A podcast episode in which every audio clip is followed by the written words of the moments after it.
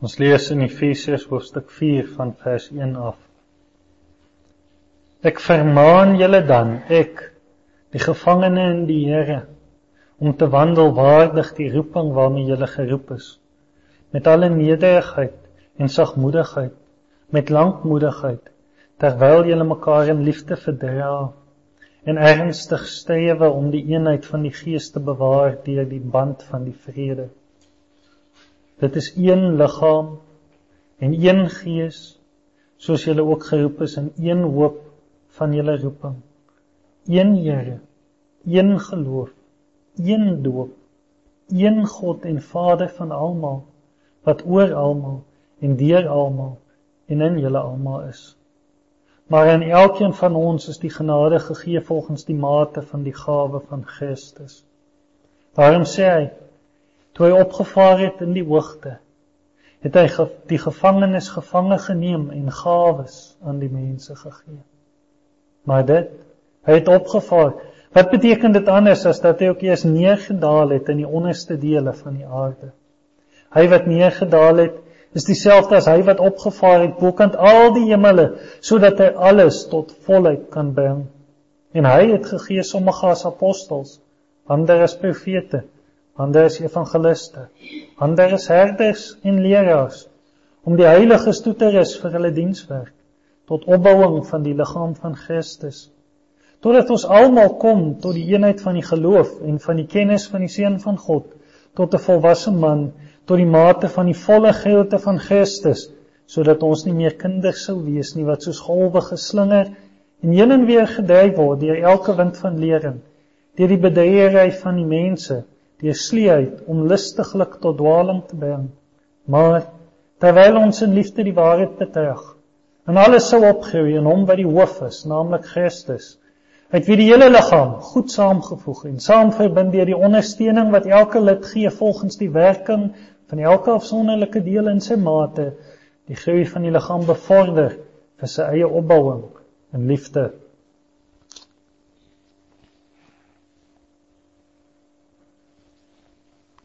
jare gelede. Ek dink ons was nog daar in die VG se kerksaal een Vrydag aand. Het 'n groepie van ons ook na hierdie gedeelte gekyk. En na al die jare moet ons kyk hoeveel hiervan het gebeur. Hoeveel vordering was daar werklik in hierdie dinge?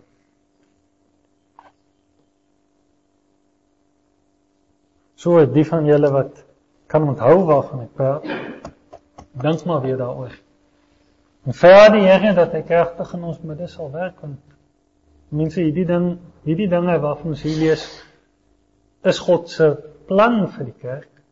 Is God se bedoeling met die kerk. In Efesiërs 3 vers 10 het hy gesê God toon nou deur die gemeente aan al die owerstes en magte die ehm um, menigvuldige wysheid van God. En dit gebeur wanneer die kerk so funksioneer. Soos wat ons hier lees.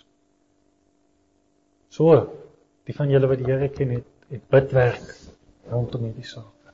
En en honger en dors werk. Ons moet regtig verlang. Ons moet ons kan nie tevrede wees om sonder hierdie dinge te leef nie. Dit is nie vir supergemeentes nie, dit is God se bedoeling met die kerk. En as ons na onsself kyk, dan moet ons osself afvra hoeveel hiervan sien ons in ons lewens.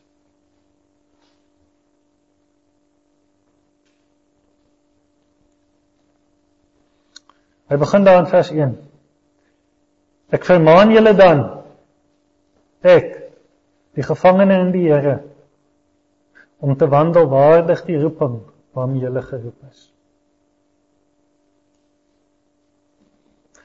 Dit is interessant die verskil met hoofstuk 3 vers 1 waar sê om hierdie rede is ek Paulus die gevangene van Christus Jesus vir julle wat die heidene is. So in hoofstuk 3 vers 1 verwys hy ek Paulus wat die gevangene vir julle is. En dan praat hy oor sy roeping en oor die gemeente en hoe hy vir hulle bid. En, en dan sê hy weer Ek vermaan julle dan. Ek die gevangene in die Here. So herinner hulle weer aan sy gevangenskap.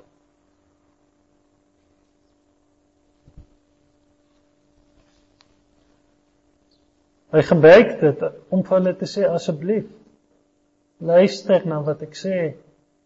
Dit wat ek sê is ernstig. Ek sit nie tronk vir die waarheid wat ek aan julle verkondig het. So asseblief terwyl ek hier met hom gee my vreugde deur te luister na wat ek sê. Wandel waardig die roeping waarmee jy geroep is.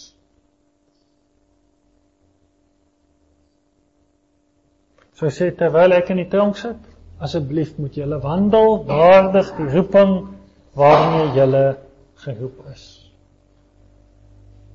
Wat is hierdie roeping waarvan hy praat?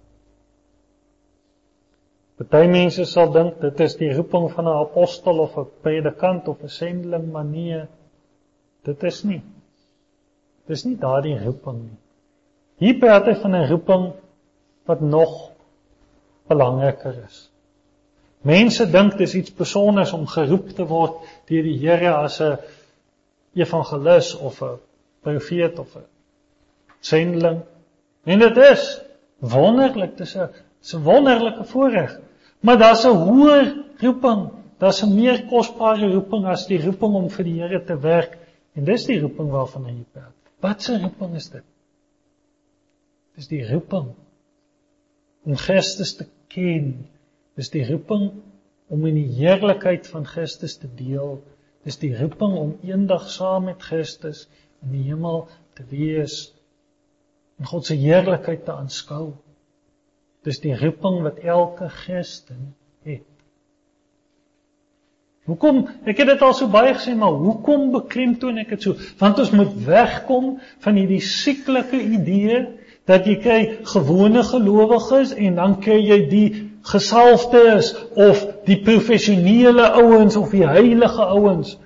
Ons moet wegkom van daai sieklike gedagte dat o die predikante hulle moet heilig leef. O die sendelinge hulle moet opoffer. Hulle moet heilig leef, maar maar ander gewone gelowiges kan maar net soort van so halfhartig vir die Here leef. Dit werk nie so nie. As jy in Christus is. Dit wat ek sê geld net vir bekeerde mense. As jy in Christus is. Dis jy geroep om te deel in die heerlikheid van God vir ewig en altyd en jy moet waardig daardie roeping wandel. Met ander woorde, jy moet hier op aarde wandel soos een wat op pad is hemel toe. Jy moet hier op aarde wandel soos een wat glo daar wag 'n ewige erfenis vir jou wat niemand kan wegvat nie.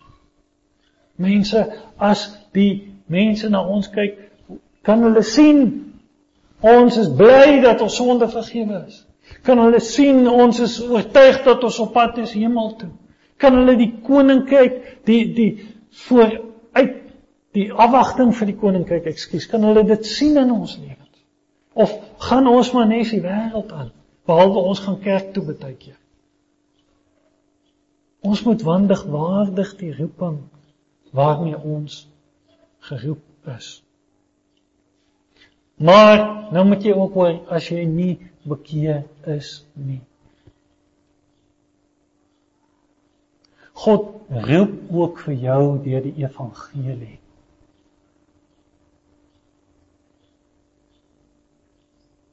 Ek dink aan 'n geleentheid in Jerusalem. Op 'n groot feesdag waar daar baie mense was wat Jesus Christus opstaan en sê as iemand dors het, laat hom na my toe kom en drink. Of 'n ander geleentheid waar hy ook vir 'n skare gesê het, kom na my toe almal wat vermoeid en belas is en ek sal julle rus gee. Sy roepstem gaan uit.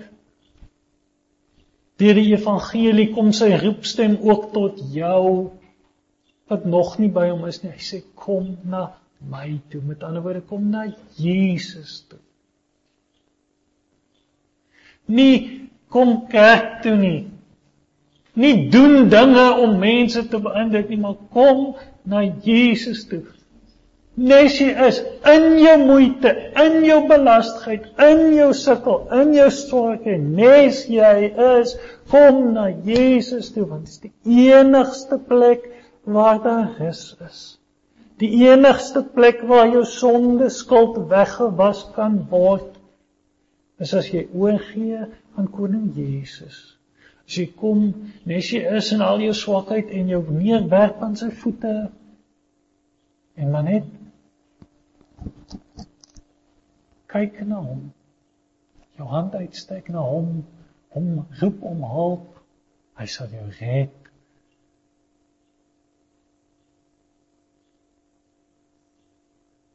God het sy seun in hierdie wêreld gestuur nie om die wêreld te veroordeel nie, maar dat die wêreld deur hom gered kan word.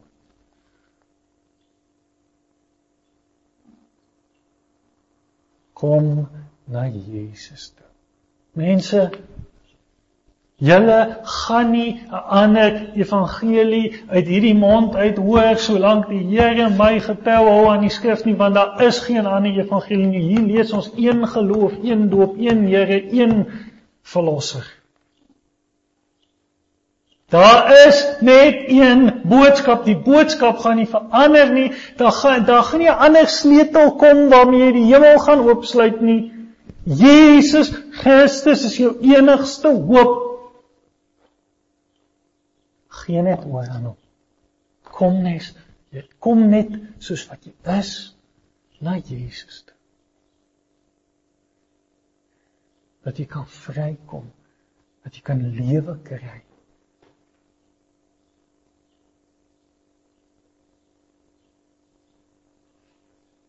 Moenie die roepstem van die Here verag nie.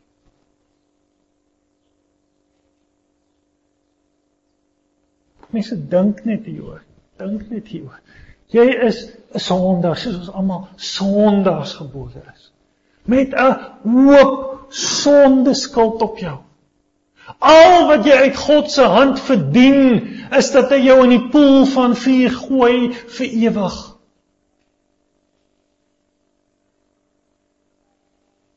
Ons sonde is nie mooi nie. Dit is nie oulik nie. Al dink jy jy leef 'n goeie lewe as jy buite Christus is, is al jou goeie werke soos vuil lappe sê die Bybel. Jou lewe is nie mooi in die oë van die Here nie. Jy's vol sonde. Jy het baie sonde skuld. En jou sonde is afgryslik in die oë van die Here. Weet jy hoe lyk ons sonde? Ek gebruik maar die beeld. Miskien tref dit jou hart vandag. In potte wil kry mense sulke goggatjies. Waarvan ek nie baie hou nie, mense noem hulle kokkerotte. Nou ek weet nie wie van julle hou dalk kokkerotte as troeteldiere aan en streel hulle en sulke goedie, maar as ek hulle sien, dan trap ek hulle dood.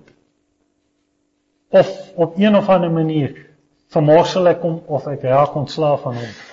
Want ek soek nie daai vuil smeerige ding om in my huis rond te hardloop nie. Mense, dis mos hoe mense voel oor 'n kokkerot. Nou ons sonde maak ons nog leliker as kokkerotte in die oë van die Here.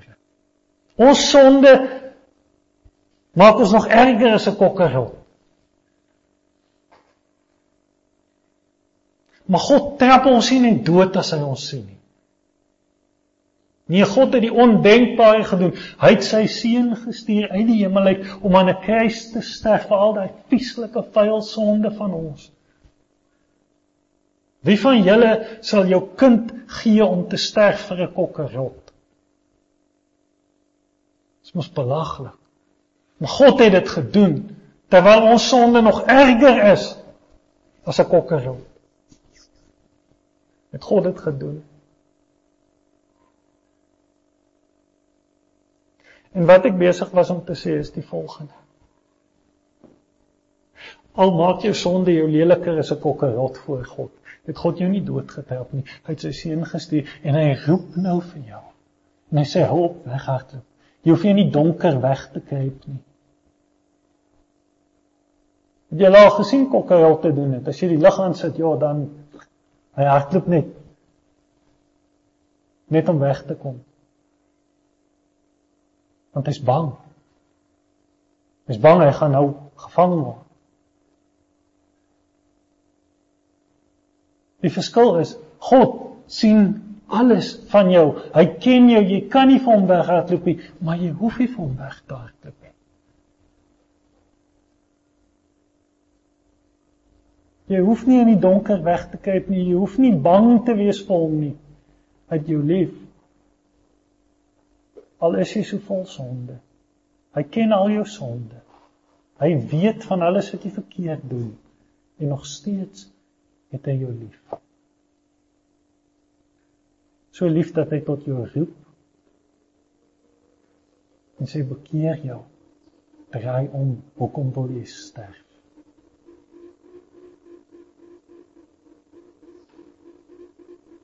Hy sal jou barmhartig wees. Hy sal jou genadig wees. Hy sal jou aanvaar. As jy luister na sy stem dat jy kan lewe. Maar hy dieselfde God wat jou nou in liefde roep. As jy weier om te kom, sal hy jou eendag in die poel van vuur werp. Want hy skuld jou niks nie. Hy het jou nie nodig nie. En as hy jou jou verdiende loon gee, kan jy nie daaroor kla nie. Moenie met hom speel nie. Moenie hom ignoreer nie. Mense baie keer, as ek sê moenie met die Here speel nie, dan dink jy, "O ja, ek wil nie maak of ek my bekeer en dan bly ek nie by die Here nie. Ek wil nie met die Here speel nie." Dis nie wat ek bedoel nie. Ek bedoel hierdie wat jy nie luister wat hy sê nie, speel met hom. Hy sê bekeer jou. Handelinge 17 vers 30 sê God verkondig nou aan al die mense oral dat hulle hulle moet bekeer. Sy opdrag vir jou is jy moet jou bekeer. As jy nie luister nie, speel jy met hom. Want jy sê, "O, ek gaan aangaan. Ek gaan af en toe bid. Ek gaan gaan aangaan, maar ek gaan nie doen wat hy sê nie." Hy sê nie Maak jouself sterk en dan bekeer jy jou nie. Hy sê bekeer jou. Kom mense, is mag gee oor aan Jesus. Moenie nog wag en uitstel nie. God roep jou want hy het jou lief. Solank jy nog asem in jou longe het, beteken dit daar is nog 'n kans. Daar's nog 'n kans. So gryp die kans aan. Hy beloof ek sal hom wat na my toe kom nooit uitwerp nie as jy sy uitnodiging aanneem, as jy op sy roepstem agslaan, as jy luister hoe hy jou roep deur die evangelie sal hy jou nie wegjaag nie. Maar as jy jou oor toemaak vir sy roepstem, as jy maar vir hierdie wêreld leef, as jy maar wegdryf van Jesus af agter die sonde aan, weet dit jy sal nie ontsnap nie. So mense luister na sy roepstem. Gee oor dat jy kan lewe. Ons gaan aan in die teks. As hy nou gesê het jy moet wandel waardig die roeping waarmee jy geroep is. Dan kan jy dan vol ons is koningskinders, ons moet koningskinders rondloop. Maar kyk wat sê in vers 2 met alle nederigheid en sagmoedigheid met lankmoedigheid terwyl jy mekaar in liefde verdra. Hoe moet koningskinders wat verwag hulle gaan die hele wêreld erwe, hoe moet hulle nou leef met nederigheid? Nie hoog en trots nie, maar maar laag. Ek is niks. Maar God het my alles gegee genadiglik in Christus. Ek het niks van my eie nie. Ek is nie goed uit myself uit nie. Hy moet al die eer kry. Dis nederigheid. Om te erken God is alles en ek is niks. om ander mense se belange op jou hart te dra, om om nie jouself te verhef bo ander mense nie, met alle nederigheid.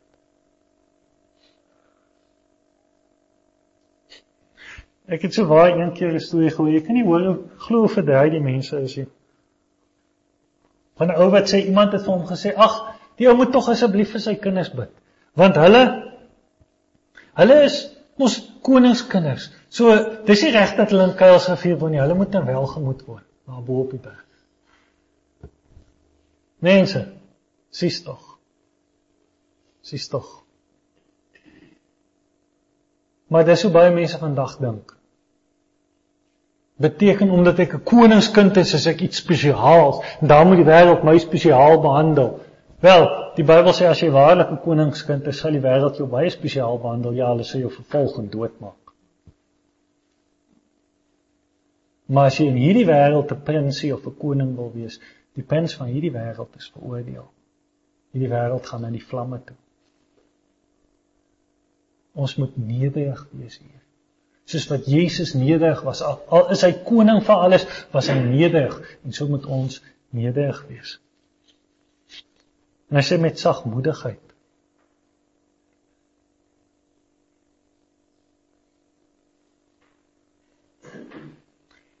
Die Bybel het gesê of Jesus het gesê nee welgeluksalig is die sagmoediges want hulle sal die aarde beerwe So wat is hierdie sagmoedigheid? Hierdie sagmoedigheid is om nie op jou regte te staan nie.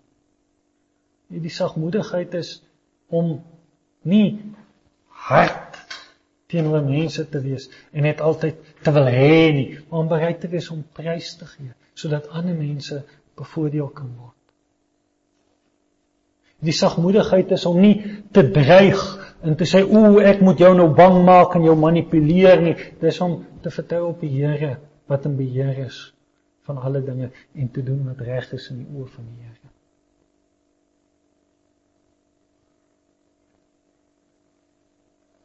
Mense so wys ons dat ons kinders van die Here is as ons met nederigheid en sagmoedigheid lewe. En met lankmoedigheid.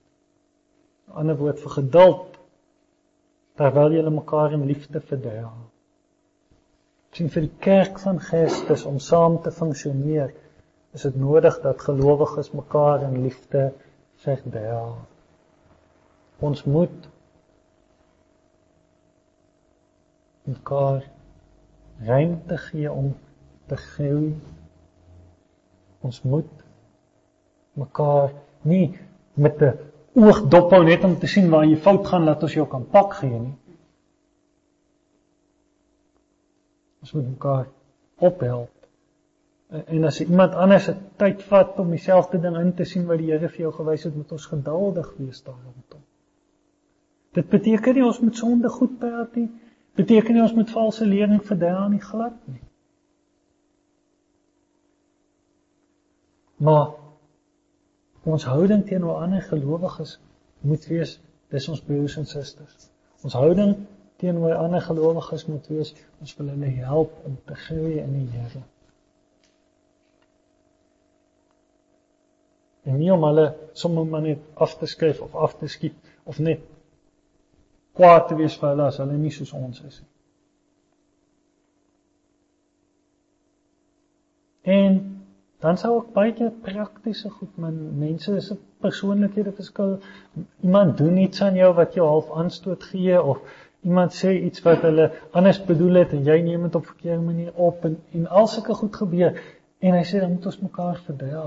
Elke moenie op sy perdjie spring en sê ooh, my regte is aangetas. Ooh, daai een het my skeef aangekyk. Nou gaan ek nie kerk toe vir soveel weke nie in, sulke goed is nie. Ons moet mekaar verdra. En mense vers 2 is nie hierdie glorieryke dinge wat jy dalk sou verwag na vers 1 nie. Dit is nou nie, o, oh, jy moet profeteer en dooies opwek en sulke dinge nie. Dit is dalk waardig die roeping, dooies op te wek. Nee. Hey. Dis wat ons vlees wil hê, net altyd 'n wonderwerk show, maar Wat die Here wil hê is dat ons soos Christus moet word. Dis om waardig die roeping van Christus te wandel, is om soos Jesus te word. Maar weer wil ek net sê as jy nog by die Here is nie, ek vra nie vir jou leef soos Jesus as jy nie vir Jesus ken nie. Ek sê kom na Jesus toe. Dat hy in jou kan leef, dat jy kan begin leef soos wat hy wil hê.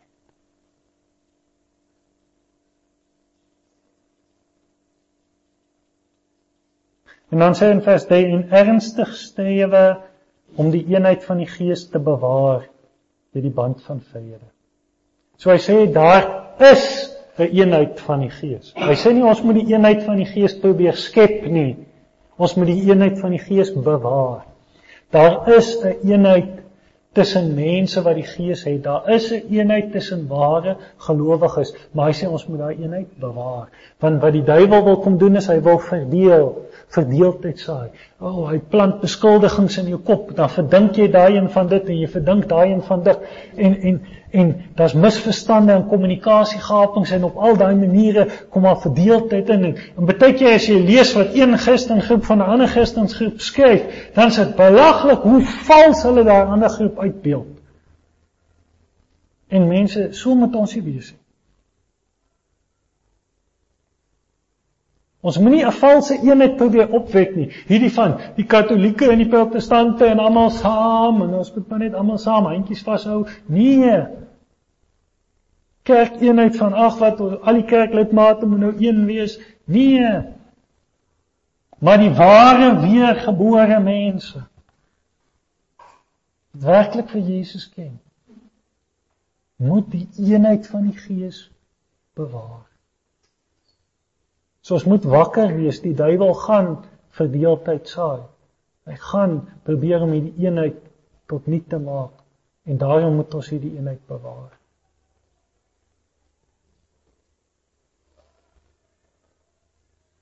Deur die band van die vrede. Daar's baie meer daar's baie meer eenheid tussen mense as hulle in vrede met mekaar leef. Waar mense bereid is om te vergewe waar mense nie gou op hulle perkies spring en hulle self wil verdedig oor alles nie. Ons moet ons eie ek neerlê. sodat ons in vrede met die ander gelowiges kan saamleef en almal saam vir God verheerlik. Hy beklemtoon nou in vers 4 dit is een liggaam en een gees soos julle ook geroep is in een hoop van julle roeping. Daar is net een ware kerk. Daar is net een liggaam van Christus. En dit bestaan uit almal wat weergebore is. Almal wat werklik tot bekering gekom het wat deur die Here nuut gemaak is. Dit is die liggaam van Christus en dit alleen is die liggaam van Christus en daar's net een. Daar is net een groep wat hemel toe gaan. Dis die liggaam van Christus. Die ander godsdienstige groepe en liggame op aarde gaan dit nie maak nie. Maar daar's net een liggaam. Al het hierdie liggaam baie dele, verskillende mense met verskillende funksies, is daar net een liggaam en ons moet daai eenheid bewaar. 'n Mens moet baie mooi dink oor hierdie saak in die tyd waarin ons leef waar daar baie kerke is, waar die liggaam van Christus lede het in baie verskillende denominasies. Terwyl in elke denominasie omtrent sit daar maar ongeredde mense ook in. Mense moet baie mooi dink hoe 'n mens hierdie goed prakties toepas. Mens moet baie versigtig wees hoe jou hart is teenoor gelowiges in ander denominasies. Aan die een kant moet ons dwaaling vermy soos die pes. En ons leef in 'n tyd van groot afvalligheid en dwaaling.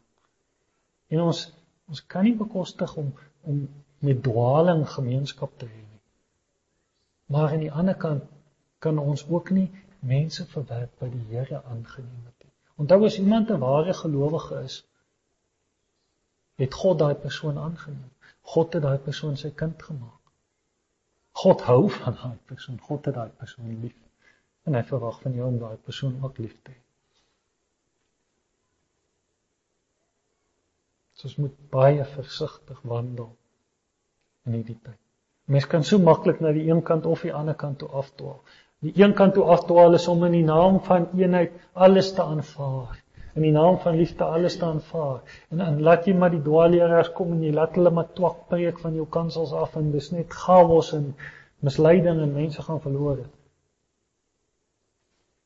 Die ander kant waar ons kan afval is om te sê o, net ons is reg. O, as iemand nie soos ek glo nie, is hy nie 'n Christen nie. En dis net so verkeerd. Soos met ons harte bewaar in hierdie saak.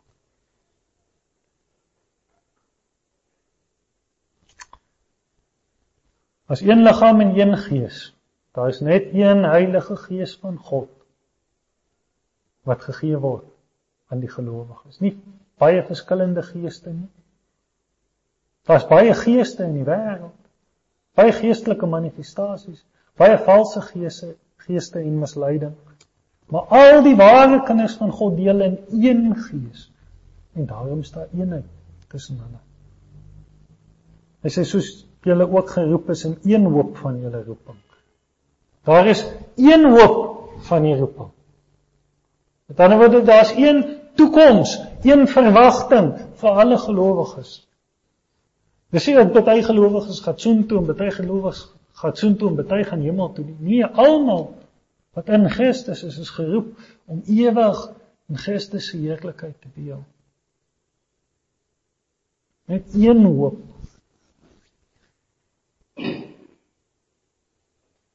Maar weer mense, as 'n kerk nie hierdie hoop verkondig nie. As predikers nie mense wys na hierdie hoop toe nie, waarmee is hulle dan besig? Daar's net een hoop. Daar's baie valse hoope in hierdie wêreld. Baie valse dinge waarop mense hulle hoop plaas, maar daai hoop gaan jou beskaam. Daar's net een hoop wat vir ewig bly staan en dit is as jy op die rots Jesus Christus is.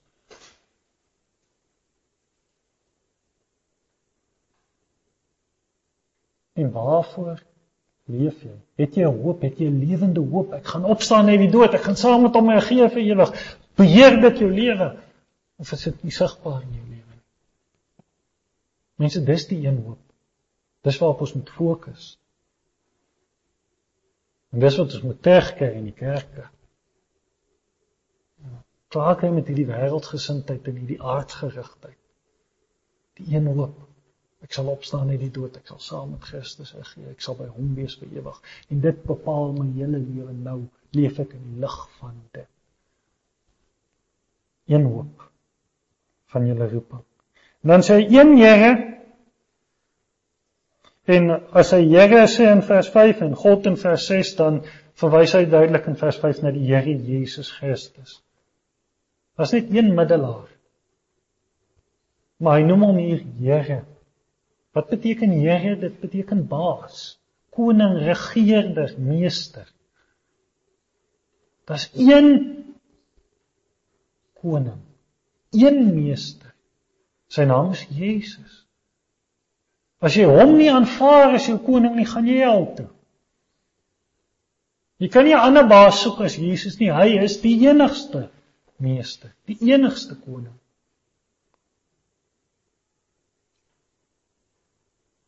een geloof. Daar is net een geloof wat lei tot redding. Die geloof in Jesus Christus. Hy is die weg en die waarheid en die lewe en niemand kom na die Vader toe behalwe deur hom nie.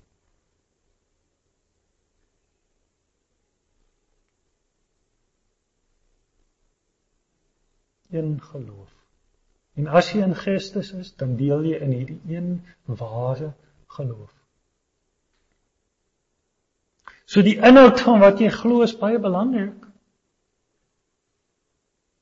Want as jy hoop nie in Jesus is nie, is jy nie in hierdie een geloof nie. Die Bybel sê sonder geloof is dit onmoontlik om God te behaag. As jou vertroue nie op Jesus alleen is nie, As jy vertrou in iets anders as Jesus is. As jy vertrou in Jesus plus iets anders is, gaan jy dit nie maak nie. Was net een geloof. Die geloof wat sê ek is te sleg, maar Jesus is goed genoeg. Die geloof wat sê ek het niks om vir God te gee nie, maar Jesus het alles gedoen. Jesus is die Here, hy is die redder en hy sal doen wat hy gesê het. Dis die geloof wat ek het. Maak seker jy is in daai geloof.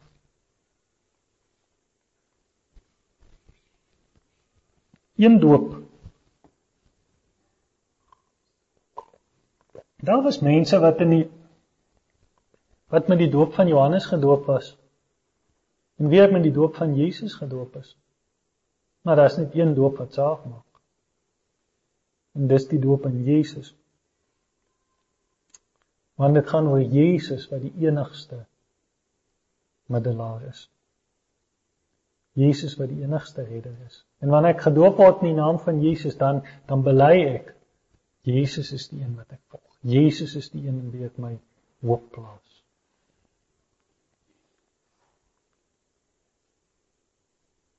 As jy in die naam van Paulus laat doop of in die naam van die of daai laat doop beteken dit niks.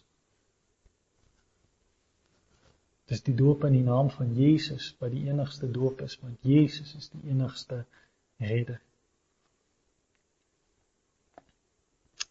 Die feit dat hy die doop noem, wys tog dis belangrik om reg te dink oor die doop. So maklik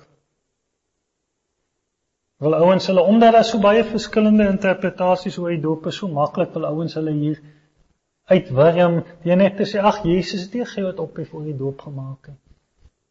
Ekskuus maar Jesus het gesê gaan na al die nasies, maak hulle my disippels en doop hulle in die naam van die Vader en die Seun en die Heilige Gees. Hy het dit gegee as deel van die opdrag, so dan is dit seker belangrik om dit reg te doen. Kan nie maar net doop soos ons wil nie, ons moet regtig die skrif ondersoek en dit doen soos die skrif sê. Dan sê hy daar's een God en Vader van almal. Daar's net een God. Nie baie gode nie. Dis baie valse gode. Net een Skepper. Net een Vader van alles, net een oorsprong van alles, een wat alles gemaak het. Hy sê in vers 6 van hierdie God wat oor almal en deur almal en in julle almal is. Nou hy is in jou as jy 'n gelowige is. Moenie dink hierdie skrif sê vir jou hy is in jou as jy nie 'n gelowige is nie. Nee, hy praat hier met gelowiges, die wat in die een liggaam is. Maar as jy in die een liggaam is, dan is God oor jou, maar hy's ook deur jou en hy's in jou. Mense, wat 'n kosbare voorreg.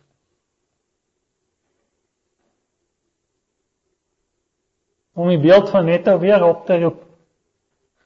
Mense, redding sal maar wondersaak.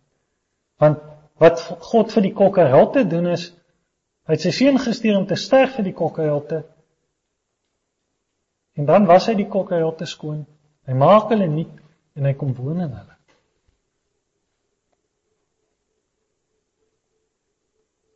En dis dis die wonder wat gebeur as God 'n sondaar red. Hy kom woon in daai sondaar. Dis 'n wondersaak. Wie is ek? Wie is jy dat die grote God in ons sou woon? Wie is ons dat hy na ons toe sou kom?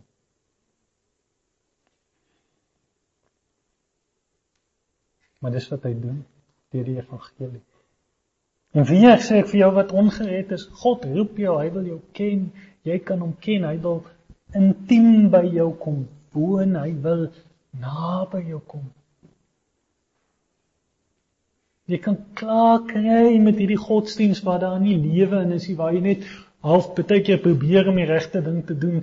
Jy kan klaar kry daarmee en jy kan die lewe smaak, jy kan vir God self ken. Jy kan die wonder ken daarvan dat God in jou kom woon. Kom na Jesus toe.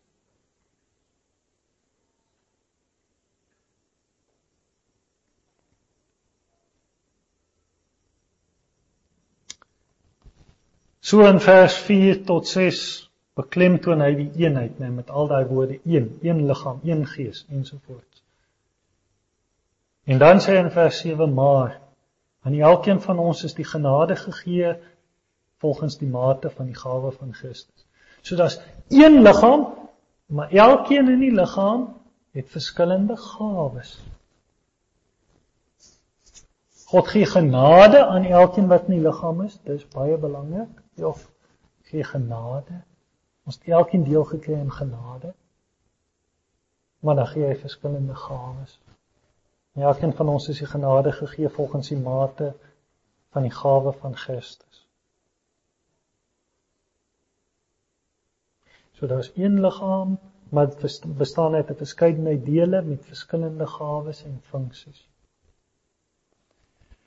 Maar al hierdie genade en al hierdie gawes wat gegee word, kom van Christus af. Hy sê volgens die mate van die gawe van Christus.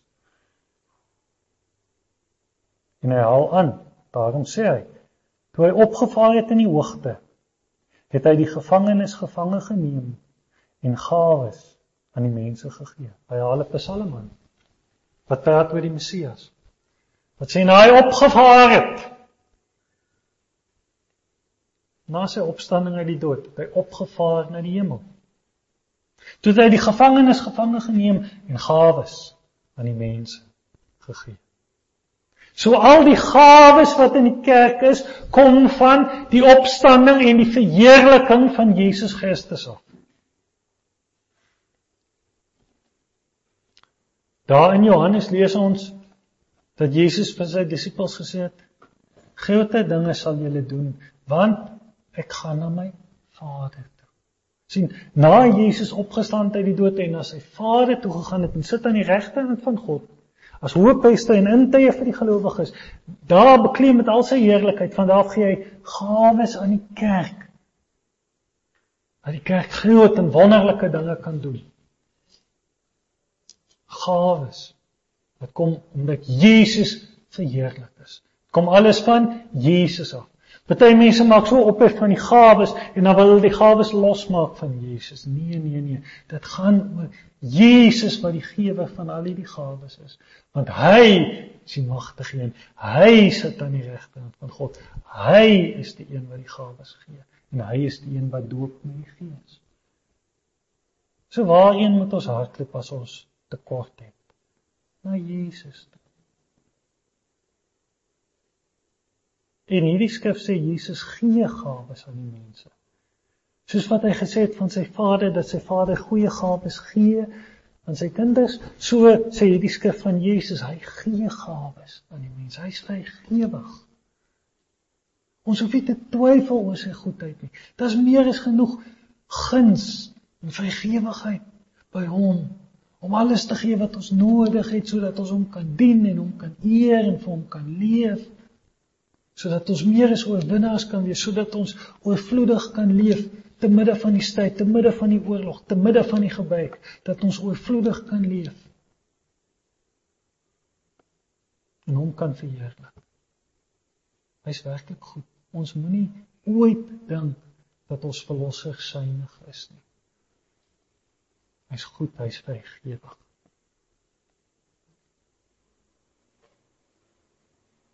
Maar hoor ook dit. Hy het opgevaar in die hoogte. Hierdie koning Jesus van wie ek verkondig, hy regeer oor alles. Hy is bo alles. As jy nie vir hom gaan luister nie, gaan jy tweede kom.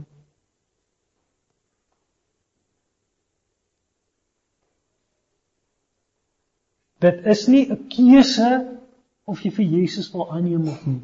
Dis nie 'n keuse of jy vir Jesus wil erken as koning of nie. Hy is koning. Hy regeer. Jy moet maar net buig.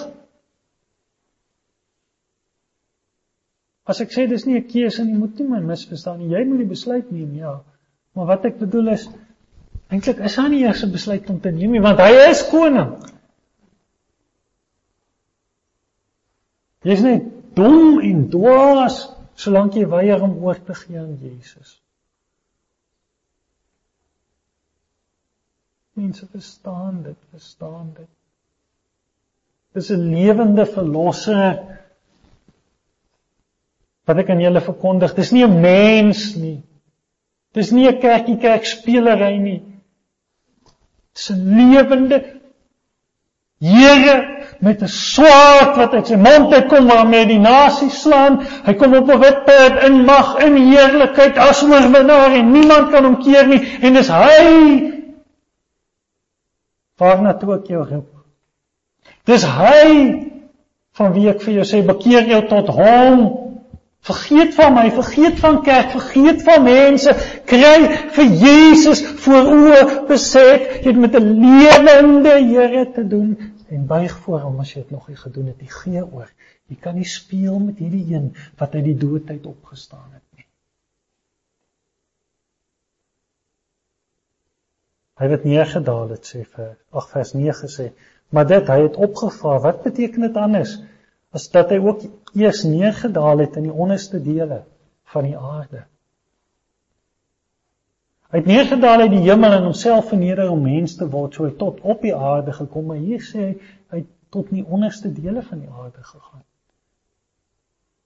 En soos ek die skrif verstaan is dit die doderyk.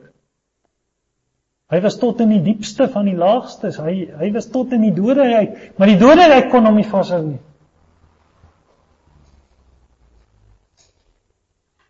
Hy het hulle wat gevange gehou was deur die dood daar gaan uithaal. Die wat in hom glo en hulle ewige lewe gegee. Hy het die duiwel beroof van sy skatte, van sy gevangenes. Hierdie Jesus Christus is sterker as die dood, hy sterker as die doderyk, hy sterker as die hel. Niks en niemand kan hom keer nie. Al was hy vasgebind in kettinge van die dode, ek het dit net losgebreek soos 'n oorwinnaar. Niks kan hom keer nie.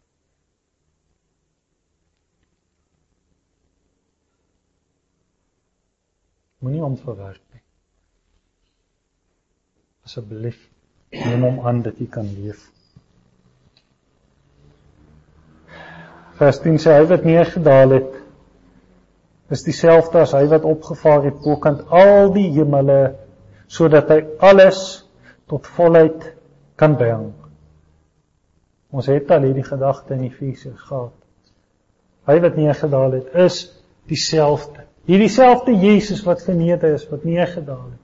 Hy het opgevaar bo al die hemele. Hy het die naam bo elke naam. Hy is op die hoogste van alle hoë plekke. Hy is bo alles sodat hy alles tot volheid kan bring. Daar is 'n vervulling van alle dinge op pad. Alle dinge gaan vervul word. Die geskiedenis is op pad iewers heen. Alle dinge gaan hulle volheid bereik. Maar wie gaan dit doen? Jesus Christus gaan dit doen. Hy gaan alles tot volheid bring. As 'n mens maar dink hoe Paulus in 1 Korintiërs 15 ook skryf van Jesus wat um, eers uit die dood opgestaan het sodat hy in alles die eerste kan wees. En dan sien mense dit hier ook net weer. Hy sal alles tot volheid bring. Dis gedurig. Uh, Efesiërs 1 het gesê dat God alles in een hoof onder Christus sal verenig. Jesus sal alles tot volheid bring. Dit gaan net oor Jesus. Mense die hele heelal se bestaan het net een storie. Dit gaan oor Jesus. Hy is nie nommer 1 nie, hy is nommer alles.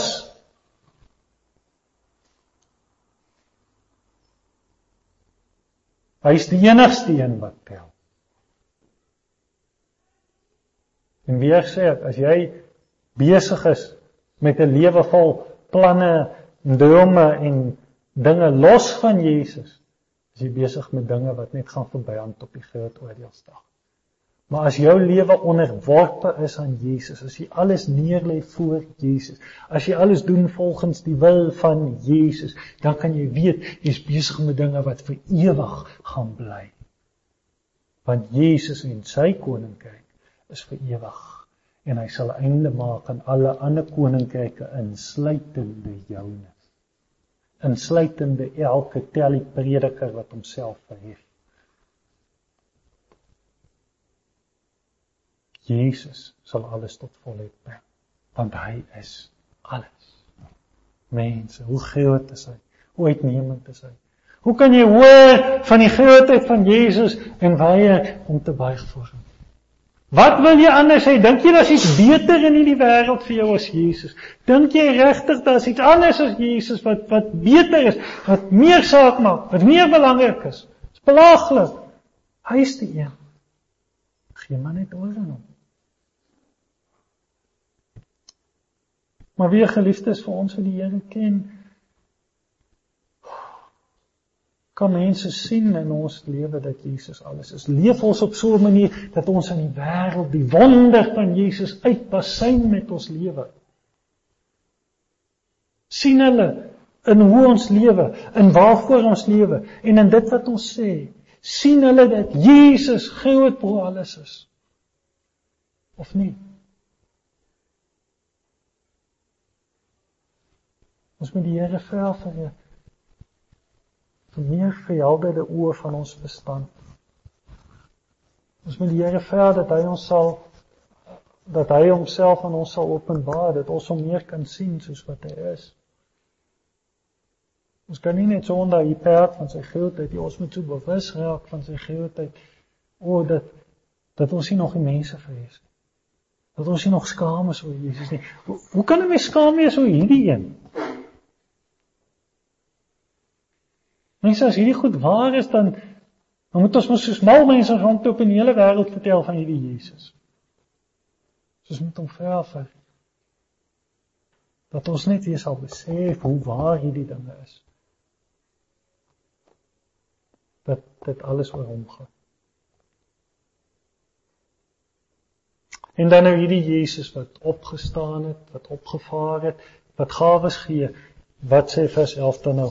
Hy het gegee sommige as apostels, ander as profete, ander as evangeliste, ander as herders en leraars om die heiliges toe te rus vir hulle dienswerk.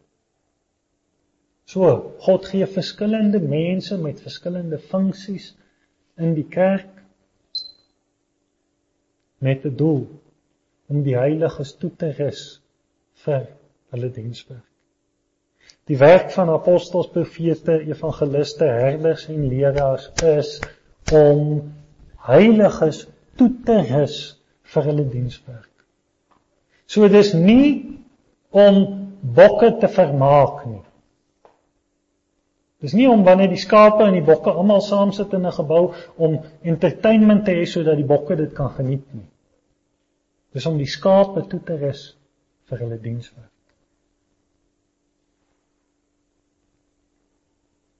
Dis nie net om vir almal moed te gee om weer nog 'n week te kom nie. Dis om mense toe te rus vir hulle dienswerk. So dit sê vir ons ons wat gered is, is gered om te dien. En die werk van leiers in die kerk is om mense toe te rus om te kan dien. En dit gebeur deur die woord en dit gebeur soos wat die Gees in mense werk. Deur die woord en die Gees word mense toegerus vir hulle dienswerk. Ons kyk vinnig na vers 11. Apostels is gestuurdes. Dis wat die woord beteken. Elke sendeling wat na onbereikte volk toe gaan is in 'n sin 'n apostel, hy's 'n gestuurde, hy neem die woord. Hy neem die boodskap van Christus na hulle wat nog nooit gehoor het nie. Hy gaan uit as gestuurde van Christus. Maar daar was 12 apostels wat uniek was. Die 12 apostels wat Jesus aangestel het, hulle het 'n unieke funksie gehad. Daar's nie vandag apostels soos hulle nie want hulle het 'n werk gehad om die kerk te plant, die fondament van die kerk te lê, om die lering van die kerk vas te maak en dis ons opgeteken hier in die woord. Baie van die ouens wat hulle self vandag apostels noem, verhef hulle self tot 'n posisie wat hulle glad nie het nie, want dit hulle raak meer soos klein goetjies wat soort van die kerk sê ek sê jy moet so maak en my woord is die woord van die Here. Dit is nie die waarheid. So die apostels was uniek in daai opsig, die 12 apostels van Jesus. Maar hy gee vandag nog apostels in die sin van gestuurde mense wat die boodskap vat na hulle wat nog nie gehoor het nie. Miskien het ook sien Paulus noem homself 'n apostel en hy verwys na ander mense wat definitief nie een van die 12 was nie, ook as apostels. En hulle het nie Bybelboeke geskryf nie, maar hulle het boodskap geneem. Hulle was boodskappers, gestuurdes. Dan die tweede een net so 'n saak wat gestel word vandag is die profete. En daar's baie waarsêers vandag wat hulle self vir profete uitgee. En daar's verskil tussen waarsêery en profesie. Profete het baie keer die toekoms voorspel en jy sien dit ook in die Nuwe Testament. Agabus was 'n profeet en hy het gesê daar gaan 'n droogte kom en dit het gebeur en hy het gesê Paulus gaan gevange geneem word en dit het gebeur. So profete voorspel baie keer die toekoms, maar die Bybel sê as 'n profeet die toekoms voorspel in die naam van die Here, moet dit uitkom wat hy gesê het in die naam van die Here. Maar profeet voorspel nie net die toekoms nie, profeet roep mense terug na die Here God. Dis die meeste van wat die profete in die Ou Testament gedoen het. Hulle het mense teruggewys na die regte pad. En so kry mense ook baie keer mense in die in die kerk wat ehm um, wat hulle het net meer insig om te sien wanneer ouens begin afdwaal net gouer te sien wag ons gaan nou op 'n verkeerde pad en die ouens weer terug te wys na die regte pad.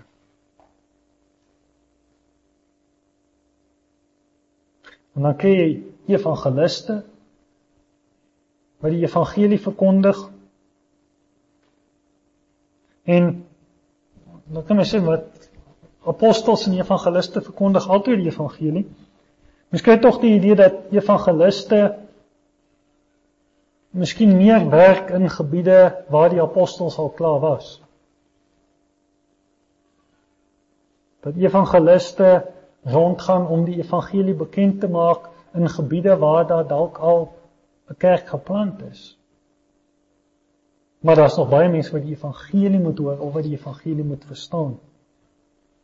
Maar evangelis verkondig die evangelie, dis maklik genoeg. Dan moet jy weer eens wonder as aan baie ouens vandag wat hulle self evangeliste noem en dit wat hulle verkondig is nie die evangelie nie. En as jy nie die evangelie verkondig het jy geen reg om jou 'n evangelis te noem nie. Jy kan jouself 'n nar noem of jy kan jouself 'n prediker noem of 'n spreker maar jy kan regtig jouself 'n evangelis noem. En dan is daar herders. En herder beteken iemand wat skape oppas, né? Nee, dis wat 'n herder doen. En wat beteken pastoor? Pastoor is presies dieselfde woord. Dit kom maar net van die Latyns af. Pasture in Engels, né? Nee, is mos weiding. Nou die pastoor vat die skapies na die weiding toe. Pastoor en 'n herder is presies dieselfde ding. So sy werk is om op te pas, om te beskerm, om rigting te gee, ook om kerkdissipline toe te pas. Mens sien dit nou nie in die skrif nie, maar kan dit uit die Nuwe Testament bewys dat ouderlinge is dieselfde ding as herders en as pastore. Jy kan dit sien in Handelinge 20. Paulus het die ouderlinge van nogal Efese na homself geroep. En dan praat hy met die ouderlinge van Efese en hy sê: "Waak oor hou dan wag oor julleself en oor die hele kudde waaroor God julle as herders aangestel het." Hierdie kerk ding waarmee ons groot geword het van 'n kerkraad en 'n pastoor of 'n predikant daarbo is glad nie Bybels.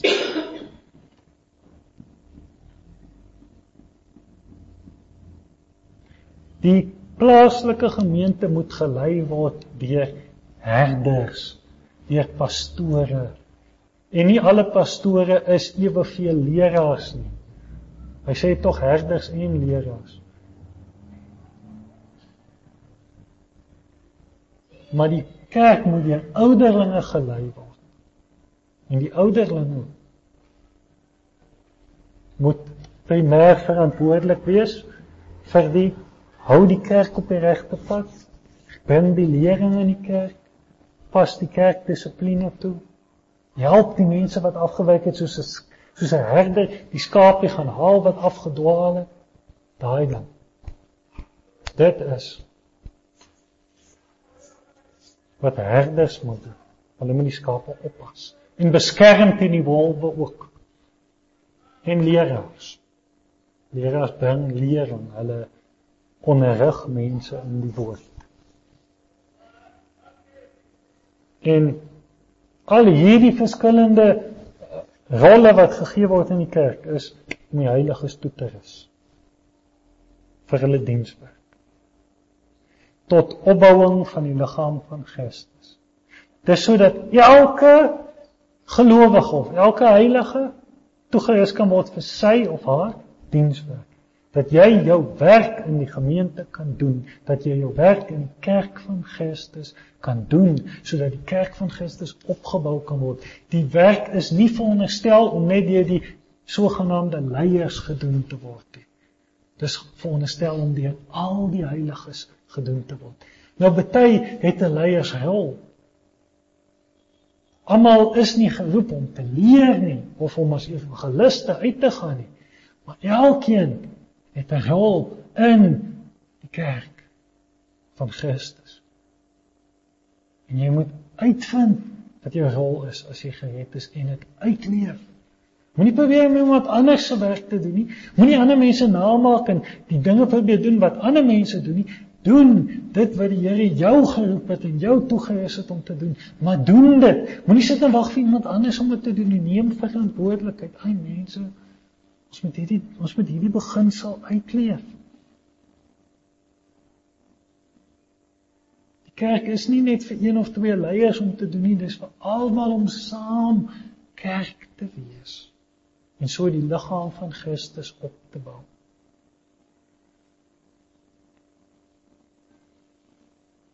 Hy sê totdat ons almal kom tot die eenheid van die geloof, totdat ons volmaak verenig is in die waarheid en van die kennis van die seun van God. Totdat ons almal vas staan in Christus en vas oortuig is oor Christus en vashou aan Christus. Tot 'n volwasse man, tot die mate van die volle grootte van Christus. Mense klink dit vir julle soos 'n soos 'n halfgebakte storie nee. God wil hê die kerk moet volmaak word totdat ons almal kan kom tot hierdie eenheid, tot hierdie volwassenheid. Vers 14 sodat ons nie meer kinders sou wees nie, wat soos golwe geslinger en heen en weer gedryf word deur elke wind van lering. So hy sê 'n kenmerk van kindertjies, van jong gelowiges is jong allerlei leringe wat verbykom, hulle hardloop agter een en die ander lering aan. Maar wanneer jy volwasse geword het in Christus, wanneer jy sien Christus is oor alles en en bo alles, dan is daar standvastigheid, dan sal vashou aan die waarheid in jou. Dan word jy nie meer rondgeswaai deur al hierdie dingetjies nie, want jy weet Jesus is die een. En elke ouetjie wat verbykom en maak of hy iets spesiaal is in jou oë van Jesus wil aftrek, sê net vir hom gaan weg, ek wil vir Jesus hê.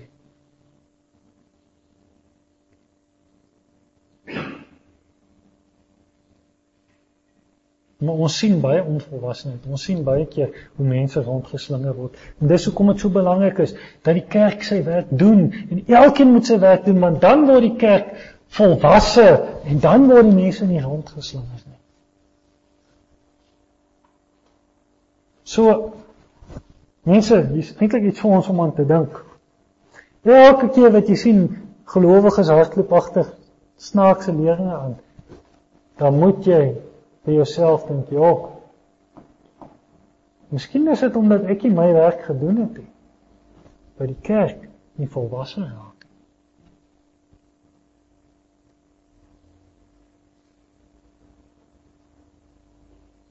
As jy jou werk doen, moenie onnodig skuldig voel nie, maar mense, wat ek bedoel is, mense kan so gou kwaad raak oor al die dwaalinge en al die misleidinge, maar is ons besig om te doen wat God van ons verwag? Is ons besig om Efesiërs 4:12 uit te leef? Want as ons vers 12 uitleef, dan kan vers 13 en 14 plaasvind.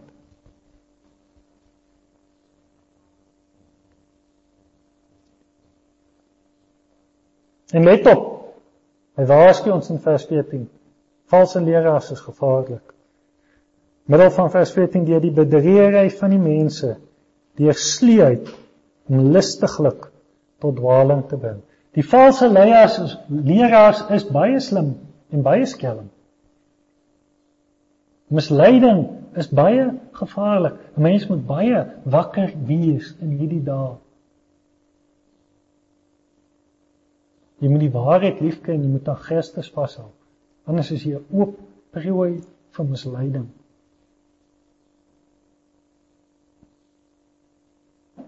So dis die valse leraars, die misleiers. Maar in vers 15 sê maar terwyl ons in liefde die waarheid bederg en alles sou opgroei in hom wat die hoof is, naamlik Christus. So terwyl die dwaalleraars hulle valsheid verkondig, wat moet ons doen? Ons moet in liefde na die waarheid kyk. Hy sê betrag, met ander woorde, jou oë op die waarheid hou, die waarheid bestudeer. Ek dink aan Hebreërs 2 wat sê ons moet des te meer ag gee op wat ons gehoor het dat ons nie miskien daarvan wegdryf nie. Ons moet die waarheid voor oë, ons moet die waarheid bly oordink, ons moet ons lewe volmaak van die waarheid. Ons moet na die waarheid bly kyk. En ander mense wys na die waarheid, maar ons moet dit alles in liefde doen. Jy sien 'n mens kan na die waarheid kyk, maar as jy nie vir Christus liefhet nie, dan help dit ook nie.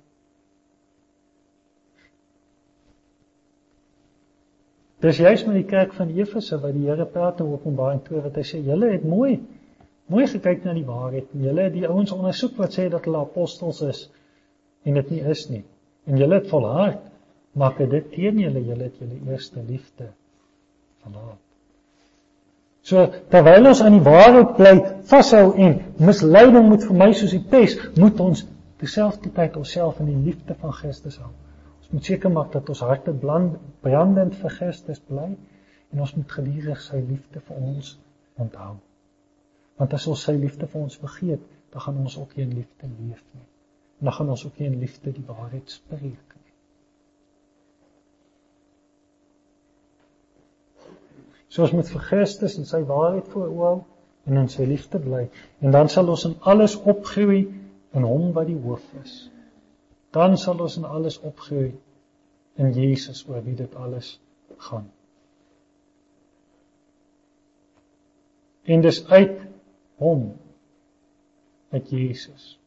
Vers 16 sê uit wie die hele liggaam net weer eens bekend aan hy alles alles alles kom van Christus af. Ons groei kom van Christus af. Ons groei kom nie van ons wat die waarheid voorhoor nie, ons groei kom van Christus af. Alles kom van hom uit wie die hele liggaam goed saamgevoeg en saamverbind deur die ondersteuning wat elke lid gee volgens die werking van elke afsonderlike deel in sy mate die groei van die liggaam bevorder vir sy eie opbouing in liefde. So die hele liggaam sal die groei van die liggaam bevorder vir sy eie opbouing in liefde as ons doen wat hierdie gedeelte sê. En die liggaam word goed saamgevoeg en saamverbind as elke lid afsonderlik sy deel doen en die ondersteuning gee. Maar as baie van die lede nalat om hulle werk te doen, dan gaan daar skeefteken en en en gebrek aan groei en misvorming in die liggaam wees. So asseblief, as jy gered is, doen jou werk.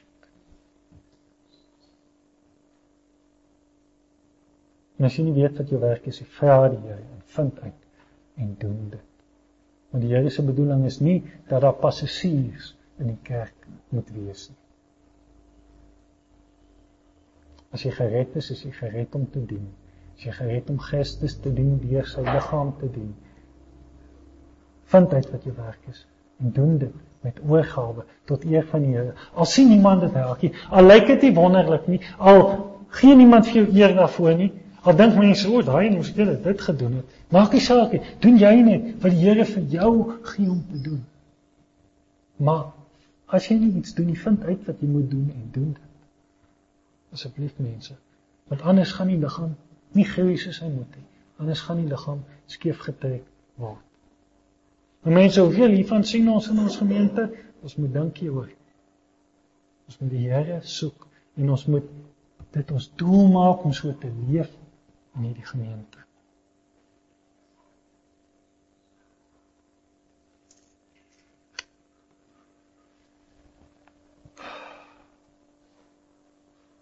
Want al ons volheid, al ons vermoë kom uit Christus.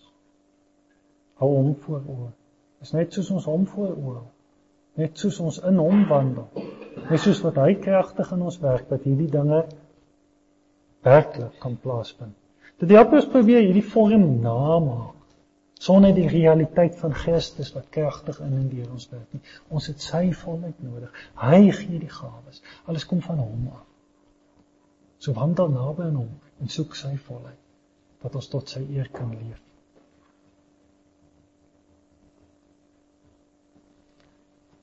En laastens wil ek weer pleit by julle wat nog nie oorgegee het aan Jesus nie. Hoe lank wil julle nog uitstel? Hy roep jou. Kom daar uit uit jou sonde uit. Kom daar uit jou duisternis uit. Kom na hom toe nes jy is. Roep hom aan. Hy sal jou genadig wees. Bekeer jou tot hom, gee oor aan Jesus. Gaan nie oor mense nie, dit gaan alles oor Jesus. Dit gehoor die waarskuwing. Hy's groot, hy's magtig. Hy's nie 'n speelmaatjie nie. As jy hom ignoreer, gaan jy nie ontsnap nie. En ek weet nie hoekom jy wil uitstel nie, mense, want dit gaan nie makliker word nie. Dit Die boodskap gaan nie verander nie. Jesus se vereistes gaan nie verander nie. Jy moet jou bekeer en dis wat jy sal moet doen en dit sal hy vir jou gaan bly verwag tot op die einde toe jy moet jou bekeer en as jy dit nie doen nie, gaan jy hel toe. En dit gaan nie makliker word nie. Die sonde gaan nie minder pret word nie. Die wêreld gaan nie minder aanloklik word nie. Maar jy kan kom net is. Jy is swak, jy is 'n sondaar, maar hy het gekom om sondaars te red. Kom nes jy is dat jy kan leef. Gee oor aan Jesus, maak die saak vandag nog met Jesus uit. En as jy moet kom gesels, kom doen dit. Ons is hier. Al moet ons lank besig wees. Ons het tyd. Maar mense hulle moet by die Here uitkom. Neem hom aan dat jy kan lewe. Amen.